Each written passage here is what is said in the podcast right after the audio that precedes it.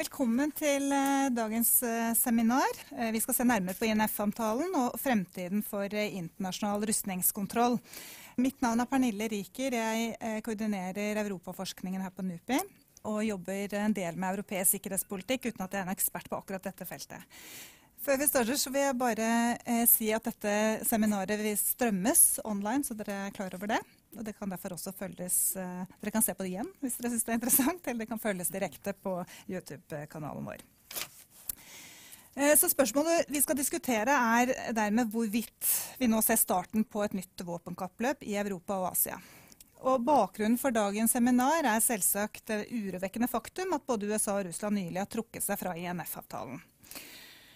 Eh, så hva er INF? Eh, jeg regner med at de aller fleste av dere vet dette nå, ettersom det har vært mye omtalt i media, men jeg vil bare nevne det kort likevel. Eh, forkortelsen INF står altså for Intermediate Range Nuclear Forces. Og avtalen, som på mange måter har vært den viktigste nedrustningsavtalen mellom USA og Russland, ble signert på det historiske toppmøtet i Reykjavik i 1987. Og den forpliktet da partene både til å fjerne hel, en hel gruppe av landbaserte mellomdistanseraketter, men forbød også partene å skaffe seg nye slike våpen. Og Avtalen ble også i all hovedsak oppfylt allerede i 1991, da de siste rakettene ble fjernet. Og Den har da vært den viktigste atom, eh, avtalen for å unngå det verst tenkelige, nemlig atomkrig. Og Etter alt å dømme så er nå denne avtalen historie, eh, etter at eh, det hevdes at Russland har utplassert nye våpen. USA har da svart med å trekke seg fra avtalen, eh, og Russland eh, kort tid etterpå så trakk seg fra avtalen. Så hva betyr dette? Det er det spørsmålet vi ønsker å diskutere i dag. Hva betyr det for Europa, men også for Asia? For selv om denne avtalen eh, har forpliktet Russland og USA, eh, så eh, har den forpliktet partene globalt, og ikke bare i Europa. Så det betyr at et bortfall av denne avtalen også kan føre til et våpenkappløp i Asia. Så I tillegg til at vi ser nye russiske mellomdistansemissiler, at det i hvert fall hevdes at, nye, at, vi ser nye russiske mellomdistansemissiler, og at vi eh, vil kunne se da amerikanske sådanne i Europa, så er det også en potensiell fare for at eh, INF-avtalens kollaps også vil føre til at USA utplasserer nye missiler i Asia for å bøte på trussel mot Kina, fra Kina. Om så skulle skje, så vil det jo være ganske sikkert at det er noe som USA vil svare på. Så i denne situasjonen så lurer vi alle på om bortfallet av INF eh, vil at vi vil se et nytt kappløp både i Europa og USA, og dermed også at faren for atomkrig eh, nå igjen er en realitet, eh, 30, snart 30 år etter at kaldekrigen er over. Eh, eller om det fortsatt er noe håp om å redde avtalen innenfor de fem-seks måtene som gjenstår eh, før den endelig opphører. Så vi, et, eh, vi er heldige da, å ha et veldig kompetent panel til å diskutere disse spørsmålene her i dag. Først og fremst så har vi Sverre Lodgaard, som er vår inhouse-ekspert på dette området. Han er nå seniorforsker på NUPI, men har også tidligere vært direktør på NUPI fra 1997 til 2007. Og han har jobbet med disse spørsmålene i mange, mange år.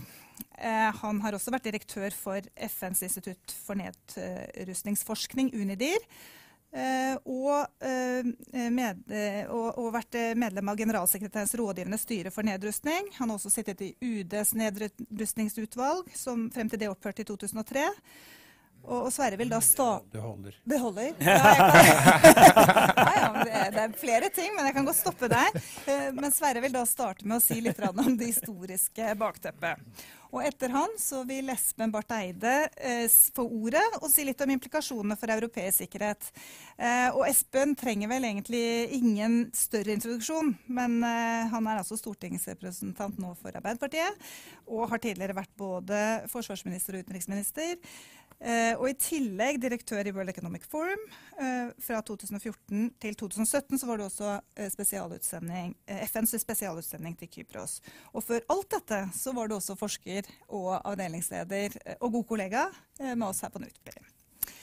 Og sist ut så har vi Henrik Stålhanne Hiem, som er seniorforsker på NUPI. Han er da en av våre eksperter på Asia generelt, og Kina mer spesielt. Eh, Henrik leder et nytt prosjekt, prosjekt på NUPI om strategisk stabilitet i Asia. og Hans primære forskningsinteresser er kinesisk utenrikspolitikk, spredning av kjernevåpen og internasjonal sikkerhet i Asia. Så Han vil si litt om implikasjonene av bortfallet av INF-avtalen for sikkerheten i Asia, og hvorvidt dette kunne potensielt føre til et nytt våpenkappløp også der. Så jeg tenker at det er naturlig at Sverre begynner, for å si litt om det historiske bakteppet. Eh, så har jeg fått beskjed om at dere skal da ha med korte innledninger. 57 minutter. Så det er fint om dere prøver å holde dere til det. Etterpå skal vi ha en samtale dere og oss imellom, også med innspill og spørsmål fra salen. Så Sverre, da gir jeg ordet til deg. Mange takk, Pernille. Veldig kort, som sagt. Eh, på slutten av 70-tallet sto USA og Sovjetunionen overfor en klassisk sikkerhetspolitisk utfordring. Sovjetrusserne sa de tok sikte på kjernefysisk paritet, ikke noe mer. Men USA så en oppadstigende kurve som var i ferd med å krysse sin egen. Eh, utfordreren eh, var i ferd med å overgå hegemonen. Og på 80-tallet fikk vi altså en ny kraftig bølge eh, med opprustning, hvor de såkalte euromissilene, som du snakket om, SS-20 på sovjetisk side Pershing 2 og kryssermissiler på vestlig side sto i sentrum. Graham Allison ved Harvard har eh, foretatt en studie av eh, denne typen situasjoner, hvor utfordreren har vært i ferd med å, å overgå hegemonen. Identifisert 16 slike tilfeller over de siste 500 årene. Tolv av de endte i krig. Men her fikk vi altså et lykkelig utfall i form av INF-avtalen, som både løste et sikkerhetspolitisk problem eh, og også innenrikspolitiske problemer i eh, de fleste europeiske land, for bølgene gikk jo veldig høyt eh, den gangen. Konstellasjonene var harde, frontene var harde, men løste seg altså opp til alles tilfredshet. Og INF-avtalen ble et viktig bidrag til avslutningen på den kalde krigen. I dag er det jo Kina og USA som er i denne klassiske sikkerhetspolitiske eh, situasjonen. Og når USA har trukket seg fra INF-avtalen, eh, så har det ganske nøye sammenheng med akkurat dette. Da avtalen ble forhandlet på 80-tallet, eh, så prøvde eh, Sovjetunionen å holde Sibir utenfor. De hadde plassert nær en tredjedel av sine SS-20-raketter der åpenbart eh, med adresse Kina. Etter hvert fikk jo også andre naboland eh, slike, eh, slike våpen. Og I 2007 sa Putin at denne avtalen er ikke i vår nasjonale interesse. Og det var helt tydelig med referanse til, til Kina. Det som så har skjedd i de aller siste årene, det er at partnerskapet mellom Russland og Kina nå er tettere enn noen gang siden midten på 1950-tallet. Og Derfor vil utplassering av nye INF-våpen i Sibir eh, være ganske umusikalsk. Politisk veldig umusikalsk. Vil kunne slå en kile inn i partnerskapet. Og dermed har eh, den russiske diskusjonen svinget seg fra Asia og over til, og over til eh, Europa. Men for all del, Kina-faktoren består jo eh, i eh, russisk tenkning også. Eh, og i amerikansk eh, debatt eh, så er det jo Kina-faktoren som dominerer. Og Bolton, sikkerhetsrådgiveren til Trump, eh, sa det rett ut da han besøkte Moskva i fjor høst. It's about China. I tillegg kommer da en ideologisk basert motvilje i USA mot alt som heter rustningskontroll. Én ting til er eh, veldig interessant når vi ser tilbake på 80-tallet og sammenligner med diskusjonen nå.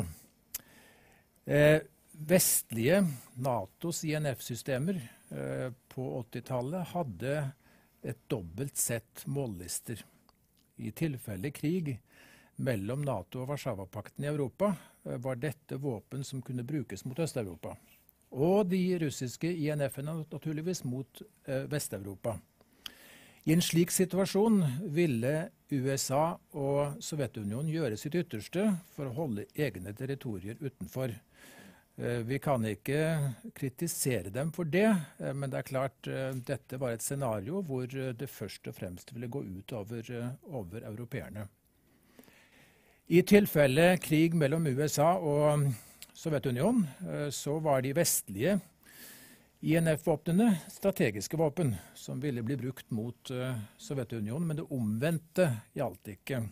SS-20 hadde ikke rekkevidde Eh, til å nå USA med en liten modifikasjon. Eh, på den tiden ba jeg eksperter på feltet om å foreta en kalkyle ut ifra sovjetiske opplysninger om rekkevidden på SS-20, og de som var ideelt plassert, eh, kunne nok nå Boston.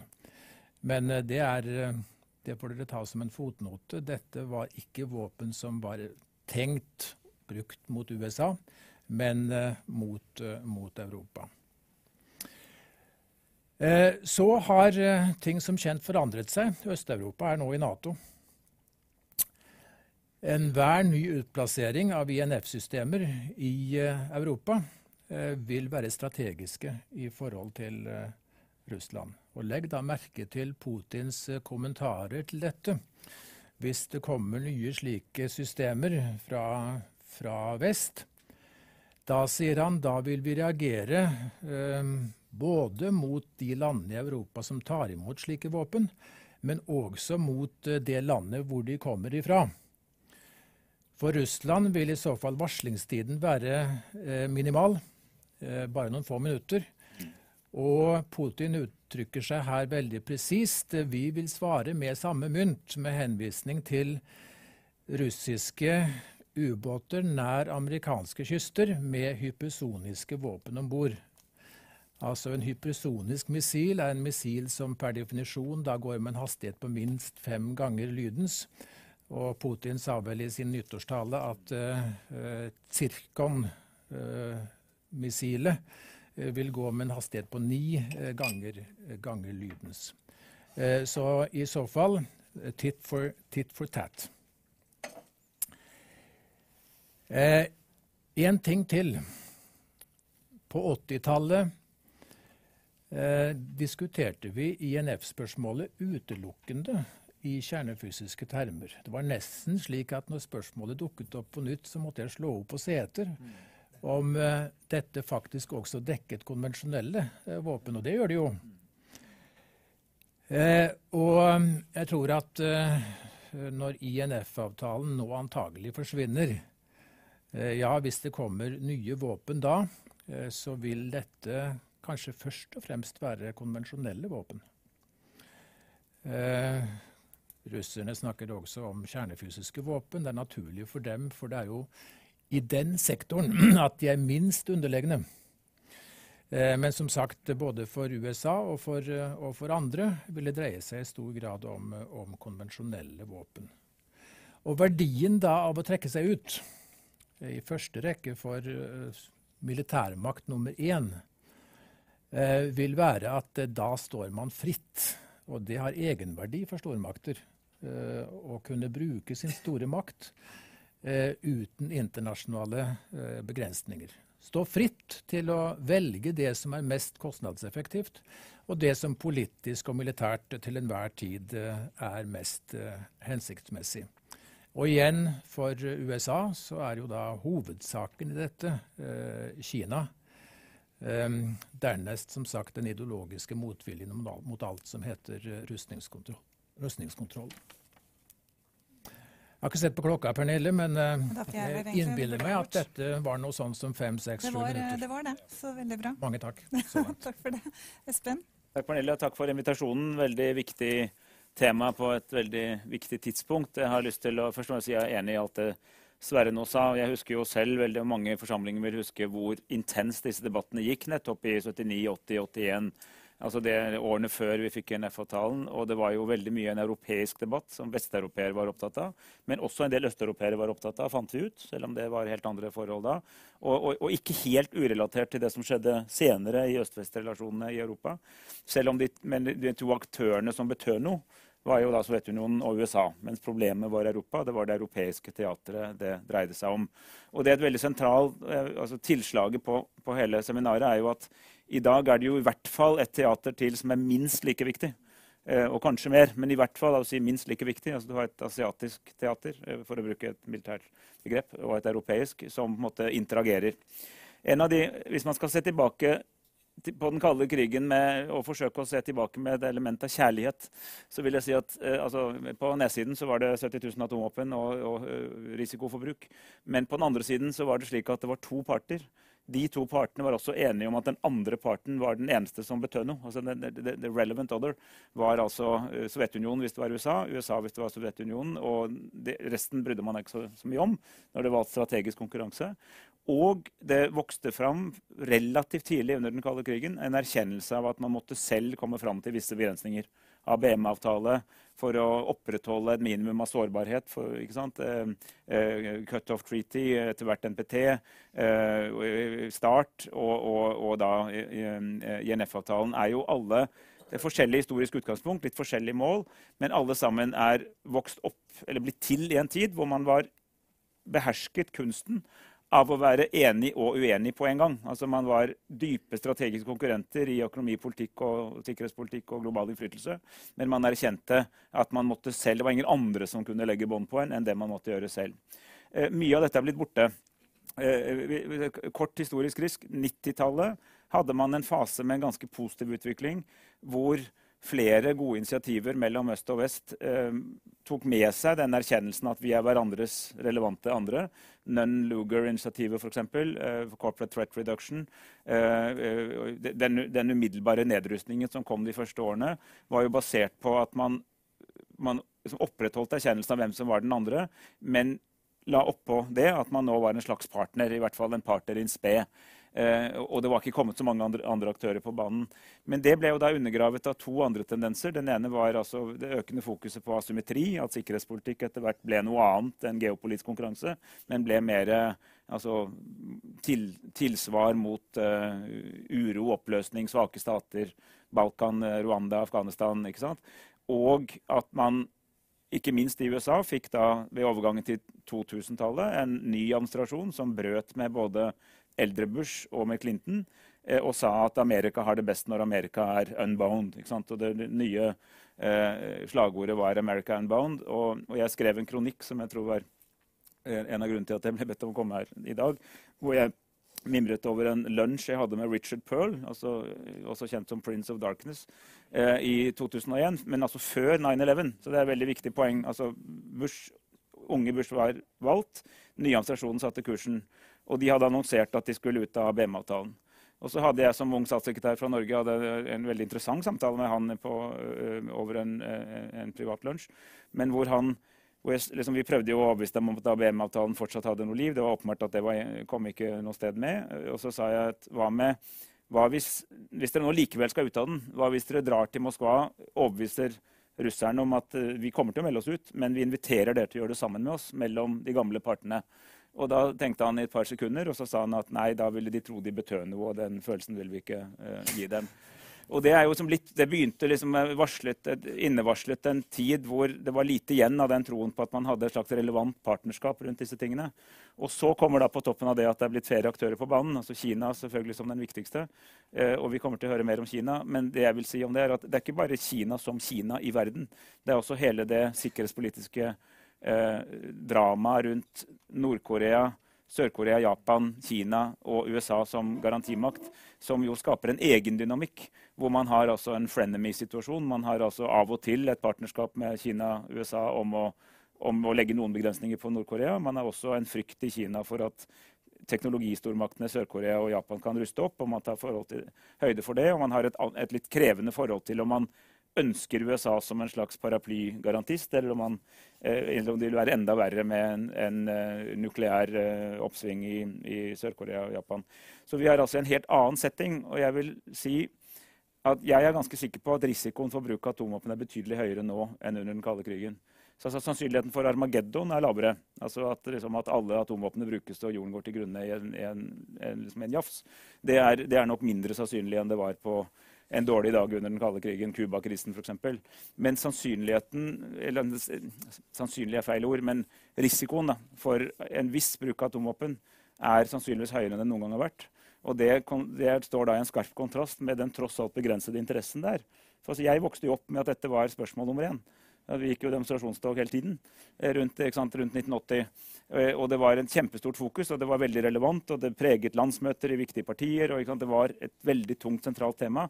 Det er det ikke nå. Eh, og det strider da litt mot at dette nå kanskje er farligere enn noensinne. Fordi, Så hva er det som skjer nå? Er det opprustning? Altså, da kommer det litt an på hva man mener med det. Altså, numerisk opprustning i mye mer atomvåpen, slik vi er vant til, det er ikke det som skjer. Det som skjer nå, er jo en teknologisk løft. Altså modernisering. Eh, utvikling av såkalte taktiske atomvåpen, som jo fortsatt er altså, Taktisk gir litt sånn feil inntrykk, for de er altså mye større enn Hiroshima-bomben. Men de er altså mindre enn ICBM-type strategiske våpen. Eh, eh, og, og, doktriner som øker, altså i hvert fall gir inntrykk av at dette er noe man faktisk planlegger for i en viss situasjon å bruke. Og sånn sett er jeg mye mer bekymret for små atomvåpen enn store, fordi at sannsynligheten for at noen finner på å bruke et stort atomvåpen, er ganske lav. Eh, men når du først er i gang, så kan du ha en kraftig og eskalerende, eh, eskalerende effekt. Og så vil jeg si som siste poeng er jo at det er veldig viktig at denne diskusjonen om atomvåpen ikke legger til grunn at vi har en verden, vi har liksom en atomvåpenverden, og så har vi alle de andre spørsmålene. De lever sitt eget liv. Vi må jo skjønne utviklingen i forhold til atomvåpenscenarioer i lys av det som skjer i forhold til cybertrusler, i forhold til altså, ny, altså, ny, teknologi generelt, i forhold til infowars, i, i forhold til et mye mer broket landskap, hvor en fremtidig krig mellom avanserte stater nesten, ja, nesten sikkert at den ikke begynner som en kinetisk krig. Altså, hvis den begynner, så begynner den et annet sted. Den kan veldig godt ende opp som storskala kinetisk, altså våpenbruk. Men den kan fort begynne med f.eks. cyberangrep som overskrider liksom, den normale bakgrunnsdøgn vi har nå. Under den kalde krigen var vi jo vanligvis ikke under angrep. Altså Normaltilstanden var å ikke være angrepet, heldigvis. Nå er jo alle moderne stater under angrep hele tiden. Altså, det er helt sikker på at Norge akkurat nå er under angrep fra flere store stater. Og, og, at det sitter da eh, kompetente dataeksperter og reduserer risikoen ved å tette hull og sånn. Men dette skjer jo konstant. Og det blir da et, et viktig evnen til å skille mellom det vi kaller bakgrunnsstøyen av alminnelig sånn eh, inntrengingsforsøk, og hva som virkelig er storskala eh, disruption, eh, blir veldig viktig. Og det må man og det er mange på NUPI også som jobber med, men disse tingene må kobles sammen, slik at ikke man liksom har en atomvåpensøyle og noen som drev de andre tingene. Dette henger sammen på nye måter, og det bidrar til min diagnose at verden er farligere enn på lenge. Takk for det. Da, det var en glade budskap. Det var glade budskapet fra Espen. Okay. Er du enig i det, Henrik? ja, dessverre. Ja. Um, takk. Um, tenkte å gå, si litt mer om denne Asia- og særlig Kina-dimensjonen av INF. For man er vant til å tenke på eh, som Sverige var inne på, INF som først og fremst en atomavtale som eh, regulerer eh, Europa. Men eh, den INF-problematikken som vi ser utspiller seg nå, den handler i minst like stor grad om konvensjonelle våpen og eh, Asia. Uh, det er uh, i stor grad uh, Kina og Kinas voksende militærmakt som er en viktig grunn til at USA nå trekker seg fra denne avtalen. og, og Sverre antydet også, men noe av det som er interessant, er at dette er en av få ting som Russland og USA tilsynelatende er enige om når det gjelder INF. De er uenige om veldig mye, men at det er problematisk at avtalen ikke eh, omfatter Kina. Det er de eh, skjønt enige om, selv om Russland eh, ikke snakker så fullt så høyt om det som det, som det USA gjør. Eh, det som er viktig å få frem, er at denne særlig da amerikanske uroen den handler ikke først og fremst om eh, kjernevåpen, eh, kinesiske kjernevåpen. Kina har et mye mindre kjernevåpennasjonal enn det Russland og USA har. anslagsvis 280 eh, våpen. Eh, og det er en liten del av eh, mellomdistansemissilene til Kina som er utstyrt med kjernefysiske eh, stridshoder. Eh, men Kina har et stort antall bakkebaserte eh, kryssemissiler og ballistiske missiler som er utstyrt med konvensjonelle stridshoder. Og de eh, missilene de gjør det mye vanskeligere for USA å beholde sitt militære eh, overtak i eh, Asia. I en konflikt kan Kina bruke disse missilene mot f.eks. Eh, amerikanske baser, eh, marinefartøy. Eh, Kina har dette som en nisje. De er veldig gode på å utvikle missiler. De har utviklet missiler med veldig stor treffsikkerhet. Så dette er en, en kapasitet de har eh, jobbet med over lang tid, og de har eh, et stort antall av disse missilene. Eh, så som sagt, denne, denne eh, avtalen handler nå eh, minst like mye om konvensjonell maktbalanse i, i Asia som, som, det den handler om, om Europa og, og kjernevåpen. En ting til, og det er at For å redde den avtalen så er det flere som har tatt til orde for at Kina bør inn i den. og det er et forståelig ønske i og for seg, når man nå forsøker å, å, å redde INF. Men sjansen for at Kina kommer til å gå inn, den er veldig, veldig liten. Eh, de har egentlig eh, avvist det allerede. De har også eh, uttrykt veldig klar misnøye av å bli brukt som begrunnelse for at denne avtalen nå etter alt å dømme faller. Det er ikke så rart at kineserne er lunkne her. Omtrent 90% av, eller mer av missilarsenalet til Kina er eh, innenfor INF-spekteret når det gjelder equity. Så dersom de hadde gått inn i dagens avtale, så hadde man i realiteten bedt om en massiv nedrustning fra kinesisk side uten at Russland og USA hadde gitt opp nesten noen ting av uh, sin uh, kapasitet. Um, og som sagt så er, er missiler eh, veldig sentralt i, i kinesisk forsvarsplanlegging. Eh, dette er et, sånt, et, et viktig middel eh, for å forsøke å, å, å, å trenge USA nærmest ut av, av, seg. Så sjansen for at kineserne vil gi opp den type kapasitet, den er veldig, veldig eh, liten. Eh, så skal det legges til at det også er ganske sterk uenighet internt i USA om hvorvidt INF, eh, eller Kina-faktoren, er en god grunn til å trekke USA ut av INF. Uh, det er en god grunn for det. Uh, for det er veldig mange som er enig i diagnosen at Kinas uh, manglende deltakelse i NF er et problem. Men om det å trekke USA ut er løsningen, det er et litt annet spørsmål. Både fordi ikke alle er enig i at USA trenger bakkebaserte mellomdistanseraketter i Asia. Um, det fins eh, mange som viser til at man kan dekke behovene sine gjennom sjøbaserte og luftbaserte kapasiteter som ikke er dekket av INF. Og I tillegg så har man spørsmålet hvem vil faktisk ta imot eh, disse våpnene dersom USA skulle ønske å utplassere dem. Eh, det vil antageligvis skape veldig mye støy og motstand. Eh, de som husker hele problematikken rundt missilforsvarssystemet TAD i Sør-Korea, hvor Kina la et enormt press på Sør-Korea for å få dem til å avstå fra å utplassere det systemet. Eh, det vil være noe lignende i vente eh, dersom eh, si f.eks. Japan skulle finne på å, å ville ta imot amerikanske bakkebaserte mellomdistanseraketter. Du har noen steder hvor, det, hvor, USA kunne plassert dem ut fritt, sånn som Guam. men det var veldig sårbart. så om det faktisk kommer eh, amerikanske missiler til, eh, til, Asia, det er eh, foreløpig usikkert og kanskje ikke så sannsynlig. Men hvis de gjør det, så kan eh, det helt klart eh, være med på å skape en våpenkappløpsdynamikk i, eh, i, Asia.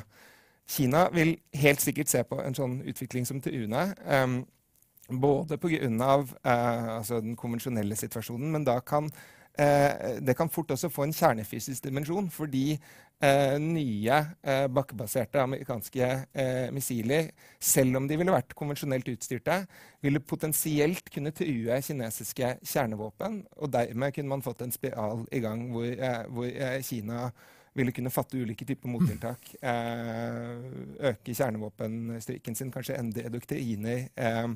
som, som potensielt kunne vært, vært veldig uheldig. Um, så I tillegg kan man også legge til at eh, jeg tror kineserne ser dette INF-bildet som en del av et, et større bilde eh, av amerikansk eh, motstand mot, eh, mot eh, våpenkontroll eh, og, og, en større vilje til å legge, legge press på Kina. Um, den nye amerikanske missilforsvarspolitikken som ble lagt fram uh, for ikke så lenge siden. Uh, der, der, peker USA på at de vil utvikle en del typer kapasiteter som uh, kineserne ikke er så fornøyd med å få. Uh, nye Nuclear Post Review pekes det også på en del typer kapasiteter som nok vil skape i Kina. Så hele denne INF-situasjonen peker på en måte på et større bilde, uh, sett fra Beijing antageligvis, om at uh, med konkurranse og økende press, kanskje også kjernefysisk mot Kina, er, er veien, veien, dette vil gå. Så um, Asia går inn i en tid preget av mer opprustning, ikke nedrustning. Og dette INF-bruddet kan potensielt bidra til å forsterke den, den dynamikken. Tusen takk. Tusen takk til alle tre. Eh, tenkte jeg skulle starte med noen, eh, noen, sånn, noen, spørsmål, og så åpner vi opp for salen etter hvert. Det første jeg tenker på, er, eh, er hvor viktig den avtalen egentlig er. For det, det, det sies jo nå at liksom det er et, et, brudd, og at dette er virkelig det som gjør at det blir eh, farligere, eller, eller en potensielt våpenkappløp. Men så er det jo også argumenter som sier at denne avtalen har vært brutt i lang tid, fra begge sider. Eh, Russland har brutt den over lengre tid. Eh, USA fra Russland Russlands side så vil man jo si at hele missilforsvaret eh, er et brudd på avtalen, vil jeg tro. I og med at de argumenterer for at det kan, kan også brukes som et Ikke bare i forsvarssammenheng, men også Så fra begge sider så sies det at den har vært brutt over lengre tid. Så da spørsmålet er Og så har heller ikke dialog og forhandling tidligere da, eh, ført frem. Dette er jo argumentene fra den amerikanske administrasjonen. Men, men eh, man kan jo lure på liksom, om, om er det bruddet så fundamentalt. Det er det ene. Er det andre ting som, som andre avtaler man trenger i dag, på en måte? Som, som Eh, eller er det Og hvis det er sånn at denne her, det er så viktig å beholde i NF, så blir jo spørsmålet er det, er det noe som helst mulighet for å, for å, redde den. Du sier at multilateralisering er lite sannsynlig. Eh, så har vi snakket om før her om det er noen muligheter for at den kunne gjelde bare for Europa, f.eks. Om det hadde vært akseptabelt. Det, eh, kan dere si noe om det først? Vil du begynne, Sverre? Ja, disse våpnene vi snakker om, eh, de har altså veldig kort fartstid. Eh, de er veldig presise. Og konvensjonelt utstyrte og kjernefysisk utstyrte kryssermissiler ser likedan ut. Eh, så den som eventuelt blir angrepet med et slikt våpen, vil ikke vite hva det er som er i ferd med å ramme dem. Mm. Og de må altså reagere på aller korteste varsel. Så dette er klart og tydelig destabiliserende våpen. Og I det ligger jo da, naturligvis da eh, veldig mye av verdien ved uh, INF-avtalen. Men hvis jeg skulle plassere den i konteksten av uh, rustningskontrollavtaler fra den arkitekturen som nå er i ferd med å forvitre, så vil jeg likevel si at den viktigste avtalen var ABM-avtalen fra 1972, som forbød rakettforsvar med noen få, med noen få unntak. Og Richard Nixon karakteriserte dette veldig effektivt eh, da han forsvarte ABM-avtalen i 1972. Han sa hvis du har et skjold, er det lettere å bruke sverdet. Altså Teknologien kan brukes både offensivt og defensivt. Og når jeg er negativ til uh, rakettforsvar, så er det ikke fordi at jeg er glad i mutually assured destruction, altså gjensidig avskrekking med, forkort det, altså. med forkortelse MAD. Uh, og den forkortelsen er ikke så UF-en. Og denne oppskriften eh, den er jo også kontraintuitiv, for den sier at eh, du er best beskyttet når du er naken. Men jeg er negativ til dette fordi at det hele tiden er en drivkraft bak opprustningen. En kilde til opprustning. Og har vært det i all den tid fra midten av 80-tallet, da denne tanken ble gjenopplivet eh, i USA. USA, med litt uh, unntak fra begynnelsen på 90-tallet, hvor alle ting så ganske annerledes ut. Uh, the period of opportunity, som den også kalles. Men uh, over de siste 20 årene har dette hele tiden vært som sagt en, en kilde til, til, opprustning. Så det vil jeg si var den viktigste. Det betyr at egentlig hele startet 2002 på en måte med ABM? Og, eller ja, at man gikk fra den avtalen? forvitringen har jo gått over lengre tid, og i hvert fall over 20 år. Mm. Mm. Ja, ja, jeg var enig i det. Altså, det, var, det var et, altså, hvor du skal plassere det i tid, men der altså, rundt årtusenskiftet så er det, går, går fra en hovedvekt på å prøve å finne løsninger til, til denne her uh, unbound-ideen. Uh, og, og det, men, det, men altså, kimen ligger sikkert lenger tilbake enn det. Men jeg mener at det er særlig der man ser det. Um, og altså, jeg tror Jeg håper det er feil, men jeg tror ikke sjansen for å redde denne avtalen er veldig høy nå. Eh, etter det som allerede har skjedd. Eh, argumentet for at det hadde vært lurt, er jo fordi den allerede fins. Man kan sikkert komme på bedre avtaler. Eh, det er bare det at det er også et poeng å ta vare på de man har, inntil man vet at man har noe bedre. Og det er jo Den ene etter den andre er jo nå enten avviklet bevisst eller liksom gått ut på dato. Så nå er det liksom nye start er da den som er igjen. Altså NPT er jo selvfølgelig alltid der, men nye start. Og den skal vel opp til 2021 eller noe sånt for ny revisjon. Og ellers så er det ikke noe særlig igjen. Så det betyr at arkitekturen forvitrer uten at den erstattes. Og det er egentlig ingen, det er ingen som tar på seg en slags hegemonrolle i forhold til å erstatte den arkitekturen med en ny arkitektur.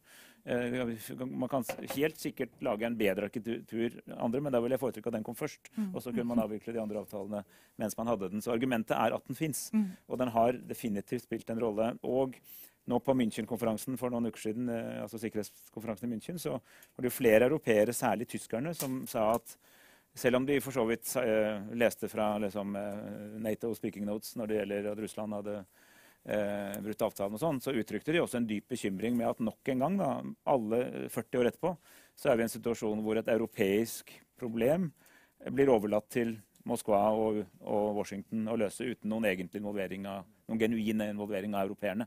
For det er som Sverre veldig riktig beskrev, avtale, denne avtalen var jo først og fremst til for Europa. Men altså de besluttende aktørene var eh, Sovjetunionen og USA, nå Russland og USA. Og sånn er det igjen. Og det var da sagt en litt sånn Huff, hvor er liksom det strategiske Europa i dette mm, bildet? Mm. Eh, ja, Når det gjelder det med multilateralisering, eh, så i tillegg til at eh, altså Kina-faktoren har vi allerede snakket om. men Kina er jo ikke den eneste asiatiske aktøren som har eh, eh raketter med INF-rekkevidde. Eh, så man kan jo også si, dersom man skulle hente Kina inn i avtalen, hvorfor ikke da India, Pakistan, Nord-Korea Sør-Korea har ikke kjernevåpen, men raketter med INF-rekkevidde. Så det er mange aktører som, som, som, har denne typen kapasitet nå. Saudi-Arabia også. Eh, så, eh, og det peker litt på et større problem med våpenkontroll. At det, altså, det er ikke eh, to parter lenger som er relevante. Det er mange. I tillegg til at det er mange flere typer teknologier som er relevante enn en, en tidligere også. Både Russland og Kina er jo eh, minst like opptatt av, av missilforsvarsproblematikk, eh, eh, romvåpen, som det de er av, av, av kjernevåpen. Eh, den, disse typer kapasitetene har mye større eh, påvirkning på hverandre kanskje enn en, en, en tidligere. Og det gjør det mer krevende å, å uh, forhandle uh, våpenkontrollavtaler. Mm. Mm. Bare et lite sted, bare i forlengelsen av det med Det er mange flere aktører, men det betyr også at det er mange flere lag. Altså, for Pakistan og India, så er jo det primære laget de bryr seg om, er Pakistan og India. Mm. Men sett fra andre steder så er det jo liksom bare ett lag under det store. ikke sant? Så, så det gjør også at det er mange dynamikker med ulik mm. logikk i. Mm. Eh, som gjør at vi er veldig langt unna den situasjonen hvor det egentlig var én strategisk logikk be, som begge aktørene delte. Og jeg tror den, der, den, den, evnen til å være enig og uenig, som var en av de fine tingene med kaldkrigen, den kunne vi med fordel fått tilbake. Mm. Den er, er litt, og etter at i en sånn er du med oss eller mot oss-verden, så er det litt vanskeligere å komme dit. Komme dit ja. Mm. Men siden vi er enige om at eh, Kina er en hovedsak i sammenhengen, så er det naturligvis fristende å tenke seg at eh, INF-avtalen kunne fortsette å gjelde for Europa. Eh, la Asia være en sak for seg. Og jeg registrerer jo at nede i Europa så har man begynt å tenke og snakke og skrive om dette. Til og med i den forstand at EU e kunne forhandle med Russland eller begynne i hvert fall en samtale med Russland om dette her, i det håp at man kunne få Amerika med seg, USA mm. med seg på dette. Men som Espen sier, eh, realismen i alt slikt eh, virker eh, veldig liten. Mm. Og så er spørsmålet hva, hvilke konsekvenser det får for, eh, for, europeisk sikkerhetspolitikk og utviklingen av en integrert forsvarspolitikk i Europa. For dette her er jo noe som på en måte pusher um, altså Det er jo et, et tegn på at det at transatlantiske bruddet er større enn det man kanskje har uh, sett for seg. Uh, det, så det er jo interessant hva vil skje da i Europa uh, i forhold til det å ta forsvars øke sin forsvarsevne. I tillegg så er det jo sånn at man har jo atommakter også i Europa. Eh, og det var jo et forslag på 90-tallet, tidlig 90-tallet fra Mitterrand om at hvis man da fikk til en, et, en, europeisk forsvarspolitikk, en ordentlig europeisk forsvarspolitikk, så så ikke Frankrike bort fra at de kunne europeisere sin eh, sine atomvåpen. Det ble jo nevnt da, men som noe langt eh, inn i, i, fremtiden. Og hvis det selvfølgelig ble en, eh, en, en franskdominert europeisk forsvarspolitikk. Eh, så jeg vet ikke hvor, hvor, hvor er den det liksom Et oppspilt lesben som eh, vel skal svare på dette spørsmålet. Altså, EU har jo ressursunderlaget for å stå opp mot, mot Russland. Eh, problemet er jo bare at eh, dette ressursunderlaget er oppsplittet. Ellers er vel det russiske nasjonalproduktet noe omtrent på linje med det spanske eller det italienske. Og EU har jo oppfordringen i form av en utfordring både fra øst og fra vest. Eh, så sånn sett er det ikke tvil om at ønsket om mer samkjøring i EU om eh, forsvarsspørsmål eh, kommer til, å, kommer til å vokse.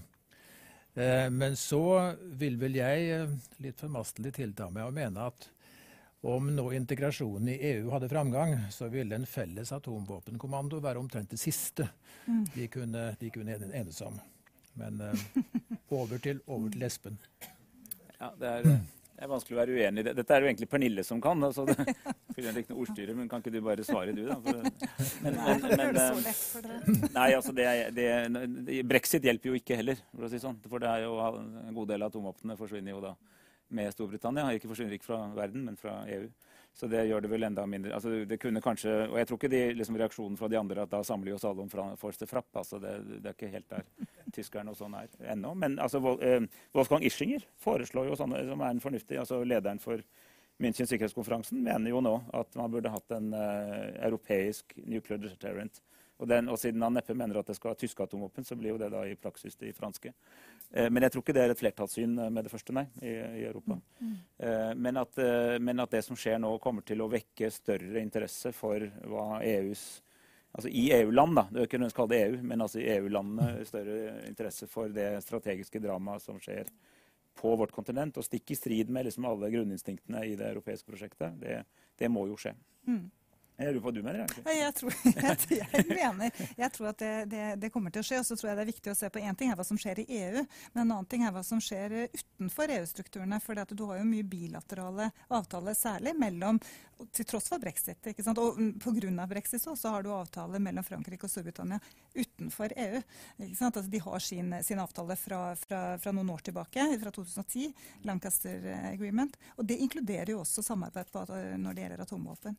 I tillegg så har du dette European Intervention Initiative som Frankrike har, hvor Storbritannia er med. Så, så, jeg tror det skjer en del ting utenfor. Så jeg tror at nå går vi mot differensiert integrasjon også på dette feltet, som jeg tror at gjør det mulig at noen land går videre, og så kanskje på sikt går inn i, i EU-strukturene. Og det er klart at hele dette transatlantiske bruddet, INF-avtalens eh, eh, på en måte bortfallet av den, alt dette her er eh, et press for at Europa skal gjøre mer på dette området. Jeg tror, tror, vi kommer til å se det. Men på en litt annen måte. Ikke alt innenfor, noe innenfor EU, noen utenfor.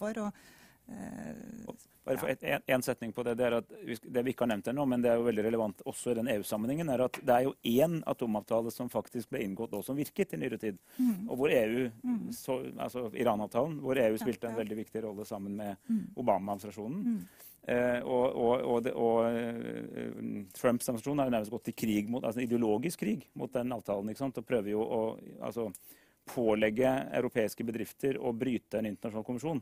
Så Det er blitt et fantastisk dilemma. Altså er egentlig, du er egentlig pålagt å ha et forhold til Iran som følger av Iran-avtalen, og det blir da forbudt i USA samtidig. Det kan vi si at I de europeiske debattene jeg øh, hører på og delvis deltar i, så er det altså bitterheten rundt det er veldig stor.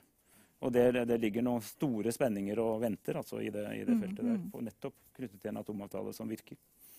Så Trump har altså, han mener at det er verdens dummeste avtale, samtidig som han jo fortsatt strever litt med å få til avtalen med Nord-Korea, som man mener er blir den beste ever. Ja. ja. Eh, vil du kommentere noe på det, eller har du Nei? Nei, ikke den. Nei. Jeg lurer på om vi skal åpne litt for, eh, for salen også. Er det noen spørsmål? Eh, det er spørsmål her, ja. Eh, mitt navn er Faride Ahmedi. Jeg er sosialantropolog og um, antikrigaktivist. Det som skjer, eh, mitt spørsmål er eh, hva kan gjøre den lille Norge, vi i Norge? Hva kan gjøre FN? Og den tredje, det som bevegelse som vi har i mange land. Kvinner, verden kvinner, og fjerne krig fra vår planet.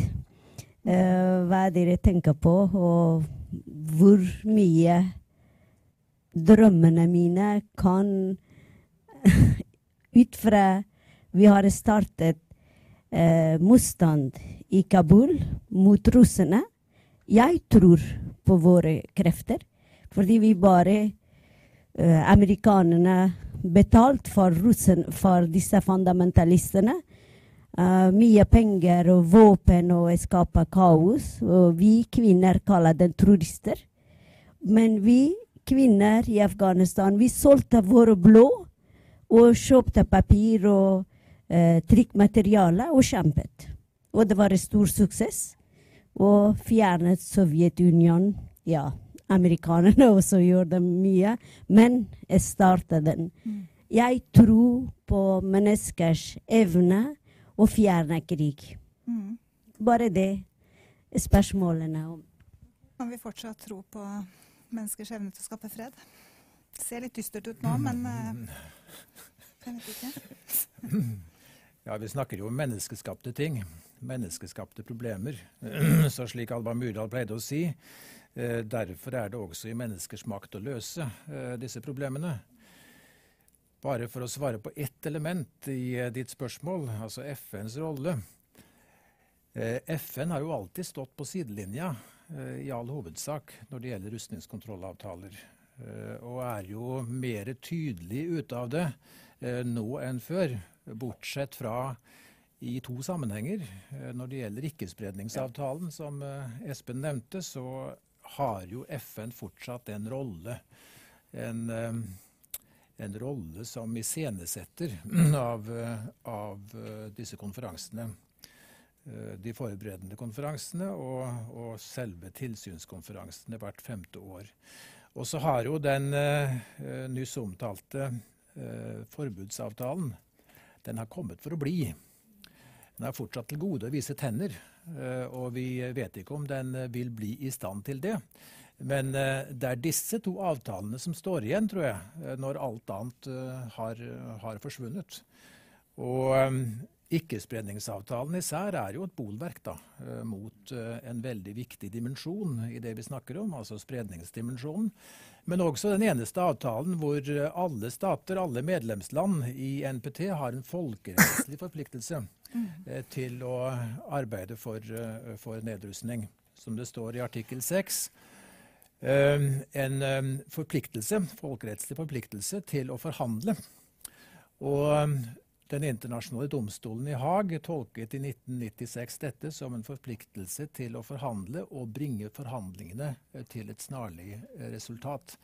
Så den avtalen som har vist en veldig stor Eh, grad av utholdenhet i vanskelige tider, eh, den er det jo fortsatt mening i å slå ring omkring. og Så får vi se hva, det blir til eh, med den andre som, som vant nobelprisen, men som fortsatt på mange måter er, er uferdig. Mm. Det er jeg veldig enig i. Det er veldig viktig å huske på det at det er noe som går bra. NP, altså NPT har jo ikke oppfylt hele sitt formål fordi vi fortsatt har atomvåpen, men den har altså oppfylt ikkespredningsformålet, og den har bidratt til at man både har et politisk og et i praksis et legalt tabu egentlig mot faktisk bruk av atomvåpen. Det, det er mange årsaker til, men jeg tror NPT inngår i den historien, dens eksistens. Og, den, og det viktige er jo selvfølgelig at alle atommaktene er underskrevet den. Så jeg har lyst til å trekke fram én prosess når det ble spurt om FN. Det er en annen prosess som egentlig ikke er under overskriften atomvåpenforhandlinger, men nettopp tvert imot. Men altså, CCW, altså konferansen for uh, visse konvensjonelle våpen, så har det vært en ganske bra prosess det siste året, par årene på ny, altså på ny teknologi. Og, altså, litt, litt, folkelig kalt altså autonome våpensystemer. Det er mer enn det. Det er egentlig hvordan helt ny teknologi kan liksom, gå inn i uh, utviklet for sivil bruk, som nå blir weaponized. Der er det igjen, altså Hvor sterke tenner det er, det gjenstår å se. Men det er hvert en mer konstruktiv debatt om at dette er et problem man må prøve å kvele i starten. Og Pga. den koblingen mellom de tingene og atomvåpen atomvåpen, så har man vært, sannsynligvis bidratt i hvert fall til noe mindre destabilisering enn man ville gjort hvis man ikke tok tak i det. Så noe, noe skjer. Også for Norge. Altså vi, vårt handlingsrom er jo altså aktiv FN-land, aktiv Nato-medlem, eh, opptatt av nedrustning historisk. Det er mye man kan gjøre i det handlingsrommet. Eh, og en av de tingene er jo å fortsette arbeidet i Nato for å redusere atomvåpnenes relative betydning. Som er noe annet enn å si nei og forby, men altså arbeide for avskrekningskonsepter som gjør det mindre sannsynlig at atomvåpen blir brukt. Og også på andre måter styrke det, liksom det lange og slitsomme, men viktige arbeidet i FN. Mm. Det er potensial for å gjøre mer enn det som gjøres nå, for, mm. for å si det høflig. Ja. Henrik? Uh, kan vel legge til at folkelig engasjement om uh, disse spørsmålene er jo også viktig, og det begynner jo uh, å komme noe tilbake. Det var jo veldig stille rundt kjernevåpenspørsmål i veldig mange år. Etter et, det var et sterkt engasjement på 80-tallet. Jeg skal ikke si jeg husker noe særlig av det, men, men jeg har skjønt at det, at det var det. Og det kan jo nå kanskje begynne å komme tilbake. hva man enn mener om forbudsavtalen, så er vel den et, et eksempel på på en eh, avtale som har avfødt et stort, eh, stort eh, folkelig engasjement og en viss sånn ny giv rundt, når det gjelder oppmerksomhet rundt, rundt kjernevåpen. Det kan jo hende at man i denne situasjonen, som begynner å se eh, mørke ut, for å si det rett ut, eh, vi i hvert fall vil få et, så, et nytt oppsving eh, i, i, oppmerksomheten rundt, rundt disse veldig viktige, viktige spørsmålene. Det kjedelige er bare at det folkelige engasjementet er omvendt proporsjonalt med mulighetene til å få til ting. Eh, det var veldig sterkt på 80-tallet, eh, da opprustningen herjet som verst. Og så, da det ble bedre tider, henimot 1990, eh, så forsvant også det folkelige engasjementet i disse mm. spørsmålene. Og frem til årtusenskiftet så glemte man på en måte atomvåpenproblemene.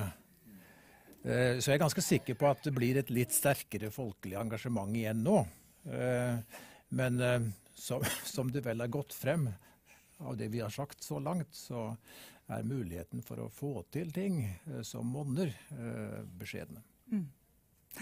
Mange av oss startet jo med internasjonal politikk nettopp ja. Eh, som et resultat av engasjementet vi som litt eldre, som faktisk var unge på 80-tallet. Men de som den, er det på den alderen i dag, er jo opptatt av andre ting. Det, da var det jo det som var hovedtrusselen. I dag er det så mange ting som er eh, skremmende med klima og andre ting som kanskje får mer oppmerksomhet. da. Virker det som. Det er ingen som sier noe positivt. Det må jeg bare si at det kan jo, skyte til. Du nevnte klima. altså i årene, jeg tror de, i, i, årene nå nært foran oss, så er altså oppmerksomheten av klimakrisen på full fart oppover mm. globalt.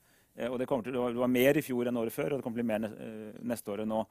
Det har jo potensialet til å bli en, altså en erkjennelse at siden det er så åpenbart at du bare kan løse den i fellesskap.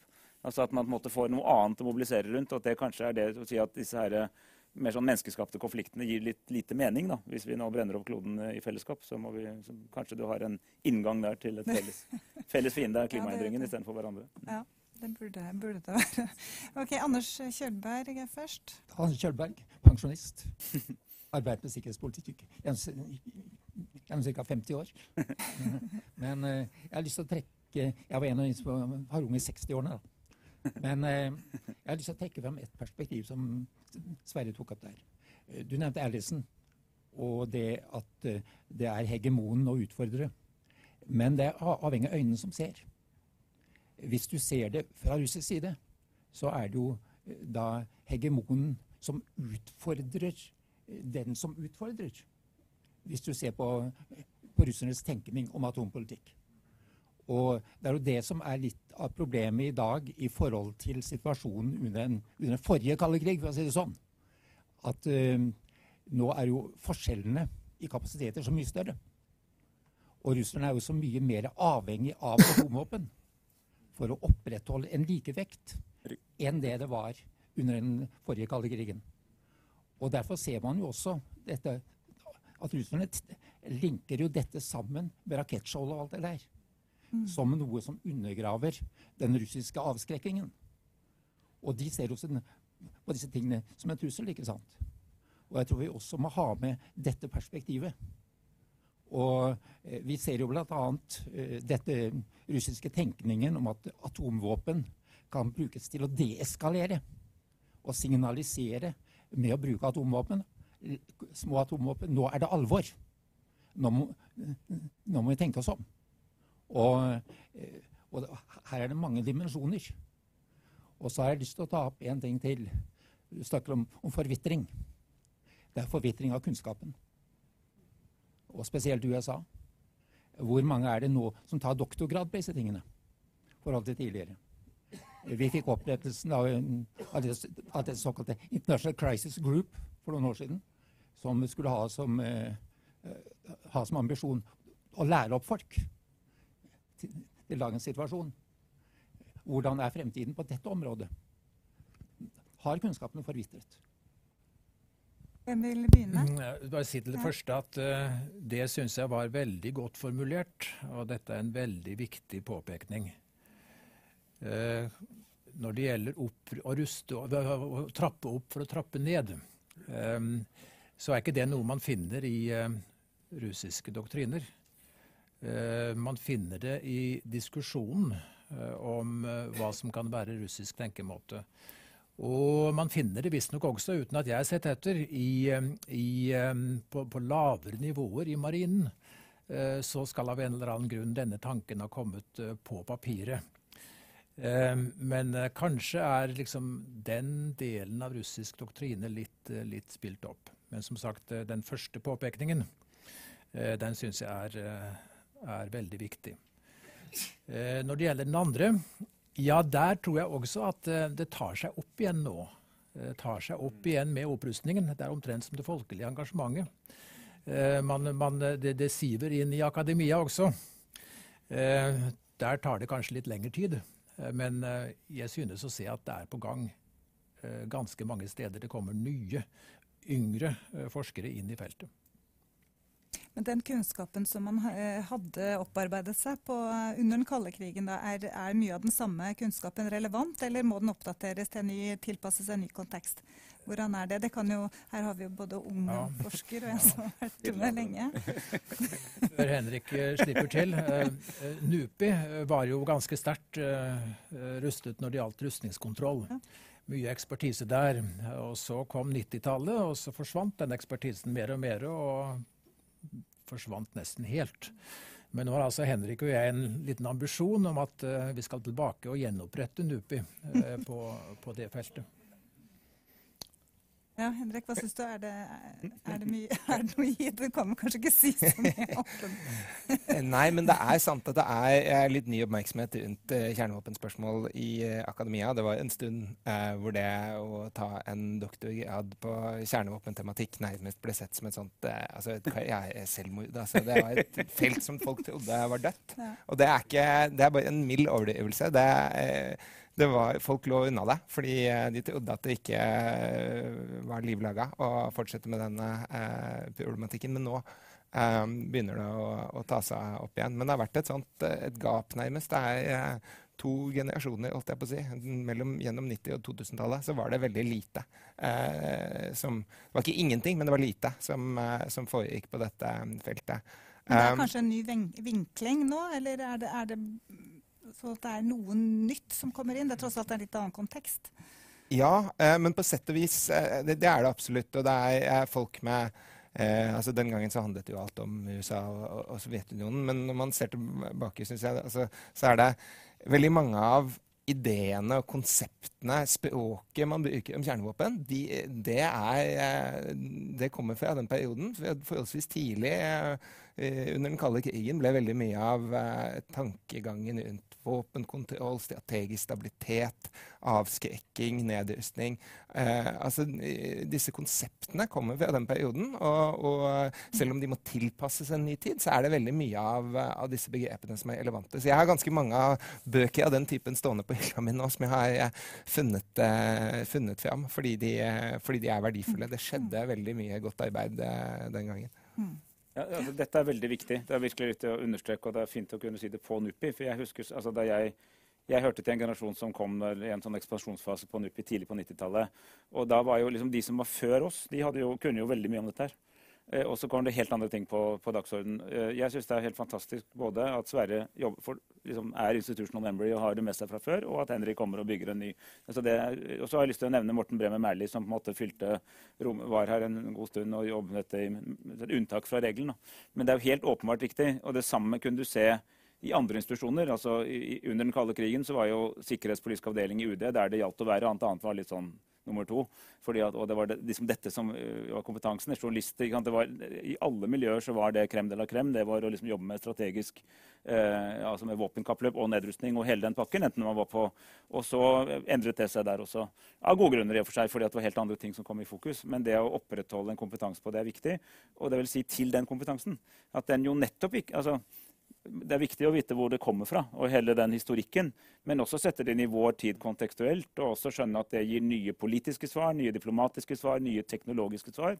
Og jeg kan altså ikke være helt bevisst gjenta meg selv. altså Den koblingen inn mot cyber og nye trusler og den i og for seg gamle trusselen atomvåpen, den må man få til. Eh, ellers så går det ikke opp. liksom. Man må skjønne hvordan de, den, den dype destabilisering som en helt ny sikkerhetsposisjon uansett skaper, har også noen implikasjoner for dette som fortsatt er et våpensystem som liksom går utenpå alle andre i ødeleggelseskraft, da, men altså som mm. jo er i en helt ny mm. kontekst. De er ikke sånn alene på haugen på en måte, som de var i, i, i min ungdom. Så Det er på en måte dette med det nye sikkerhetsbegrepet, og at det er en, en eh, det må på en måte inn i, i Og så sier Anders Kjølberg noe veldig viktig som jeg tror bare også det er viktig å reflektere rundt. Altså, Vi i Vesten og Moskva, uh, eliten i Moskva har opplevd både 90-tallet og 2000-tallet veldig forskjellig. Uh, og det er ikke så veldig viktig hvem som har rett. Det er litt sånn uinteressant hvem som tok feil. hvem som har rett. Men det, vi opplevde som en lys tid der Europa liksom fant sammen igjen, og, liksom Nato og EU var åpne for alle som fylte kriterier, opplevde jo veldig mange russere som en dyster og mørk tid hjemme. Og som en tid hvor Vesten tok seg til rette mens Russland var svakt. Og så kommer liksom Putin til München, og jeg satt to benker av det bak ham og hørte den tordentalen hvor han sier at eh, så, nå må dere skjønne at nett betyr njet. Nå er det nok, nå kan dere ikke ta dere til rette mer. Det er ikke et forsvar for det synet, eh, eller for det motsatte. Det er bare at de to verdensbildene var i en dyp kollisjon. Og vi var så høye på oss selv i Vesten eh, og i vår egen hybris at vi liksom ikke engang skjønte at det var mulig å tenke annerledes. Og, og sånn at når folk skal forklare INF-avtalens endelikt med forhold innenfor INF-avtalen, så blir det litt meningsløst, fordi at dette må forstås i den bredere konteksten hvor denne forvitrer. Ja. Vi ser vi har, eh, Nå har jeg fått flere på listen. Um, ja takk. Eh, Berg Rolfsberg, pensjonist UD. Jeg har lyst til å komme litt tilbake til det der som dere var litt inne på, mulighet ved rustningskontroll og nedrustning. Og jeg er fullstendig klar over, sammenlignet med de glade 80- og 70-årene, så er dette mye vanskeligere. Flere aktører, eh, eh, som delvis er på forskjellige aktører forskjellige kontinenter og videre og sånn. Men likevel så slår det meg jo fra, fra barnelærdommen at uh, og historien viser jo, i den grad historien viser noe som helst, men det er en helt annen, helt annen skål, naturligvis, så er det jo når partene har en viss interesse av å snakke sammen om et eller annet, så finner de sammen tradisjonelt rustningskontroll der var spørsmålet om kan vi spare penger, alle slike ting. Kan vi eksempelvis forsøke å båndlegge de spesielt destabiliserende våpen den annen part driver og uteksperimenterer, og spare våre egne, altså egeninteressen, den, den store egeninteressen. Hvis man fortsetter denne tankebanen, så er mitt spørsmål til dere det er litt unfair, for dere skal kikke inn i en veldig stor krystallkule. Men, men, men hvis man følger denne tankebanen, hvilke muligheter vil dere kunne tenke dere finnes for de mest sentrale partnere i det kommende eh, våpenkappløp, hvis vi kan snakke noe sånt, å finne sammen og nettopp da ta for seg de problemområdene hvor de har en sentral egeninteresse av å arbeide sammen fremdeles. Takk. Jeg tror vi må begynne å gjenopplive eh, tankegangen fra Palmekommisjonen 1982. Eh, Sikkerhet er noe vi må bygge sammen med våre motparter. Eh, det er ikke noe vi kan bygge på egen hånd gjennom f.eks. og først og fremst å, å ruste opp. Sikkerhet med andre ord må være vinn-vinn, som kineserne ofte sier. Og det er jo en tankegang som er borte nå. Fordi at uh, stormaktene reagerer på hverandre omtrent på, etter samme oppskrift i prinsippet som under den kalde krigen. Uh, det, står ikke, det, står ikke, bedre til. Uh, jeg skal nevne ett et mulig unntak på det deklaratoriske plan. Det er vel nå en fire-fem år siden Xi Jinping eh, sa at det er ikke nok å tjene penger, altså økonomisk utvikling. Vi må også vinne venner. Og på en konferanse om tillitsskaping i Asia sa han at eh, eh, måten å gjøre det på eh, går via vinn-vinn. Og måten han uttrykte seg på da, eh, det slo meg eh, med det samme. Eh, det var slående likt Palmekommisjonens budskap fra 1982. Så den deklaratoriske politikken var det for så vidt ikke noe i veien med. Eh, så må jo enhver deklaratorisk politikk eh, settes opp imot hva stater faktisk gjør. Og der er det naturligvis mye å bemerke eh, når det gjelder Kina. Som begynner med Sør-Kina-havet, hvor de lar kjøttvekta rå. Filippinene klaget Kina inn for Den internasjonale domstolen i Haag og fikk rett på alle punkter, og Kina gir bengen.